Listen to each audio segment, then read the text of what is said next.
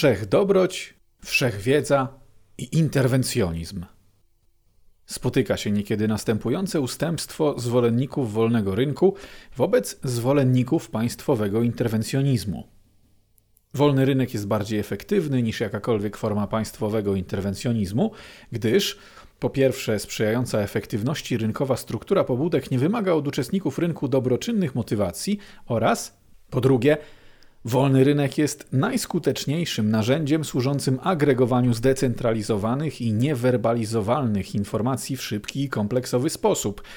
Gdyby jednak urzędnicy państwowi byli wszechwiedzący i nieskończenie dobrzy, wtedy interwencjonizm byłby skuteczną alternatywą. Innymi słowy, powyższy tok rozumowania prowadzi do wniosku, że nieoptymalny libertarianizm jest gorszy od optymalnego etatyzmu. Ustępstwo to niepotrzebnie podminowuje libertariańską filozofię, ponieważ jest zwyczajnie błędne.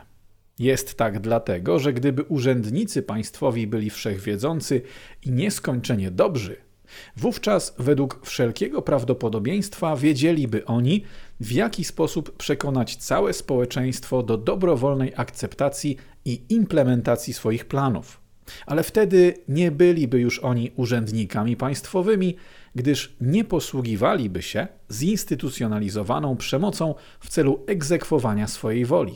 Gdyby natomiast wiedzieli oni, że nie są w stanie w żaden sposób przekonać społeczeństwa do dobrowolnej akceptacji i implementacji swoich planów, wówczas, pomimo swej nieskończonej dobroci i wszechwiedzy, nie mogliby twierdzić, że siłowe narzucenie i wdrożenie tych planów byłoby efektywne w sensie Pareto, gdyż z definicji stałoby ono w opozycji do subiektywnych wartości i preferencji członków społeczeństwa.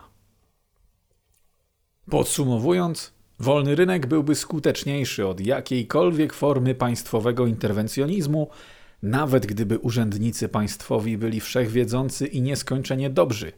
Żadne ustępstwa na rzecz zwolenników poprawiania rynku środkami zmonopolizowanej przemocy nie są tu potrzebne niezależnie od tego, jakie moralne i intelektualne przymioty mogliby hipotetycznie posiadać ich użytkownicy.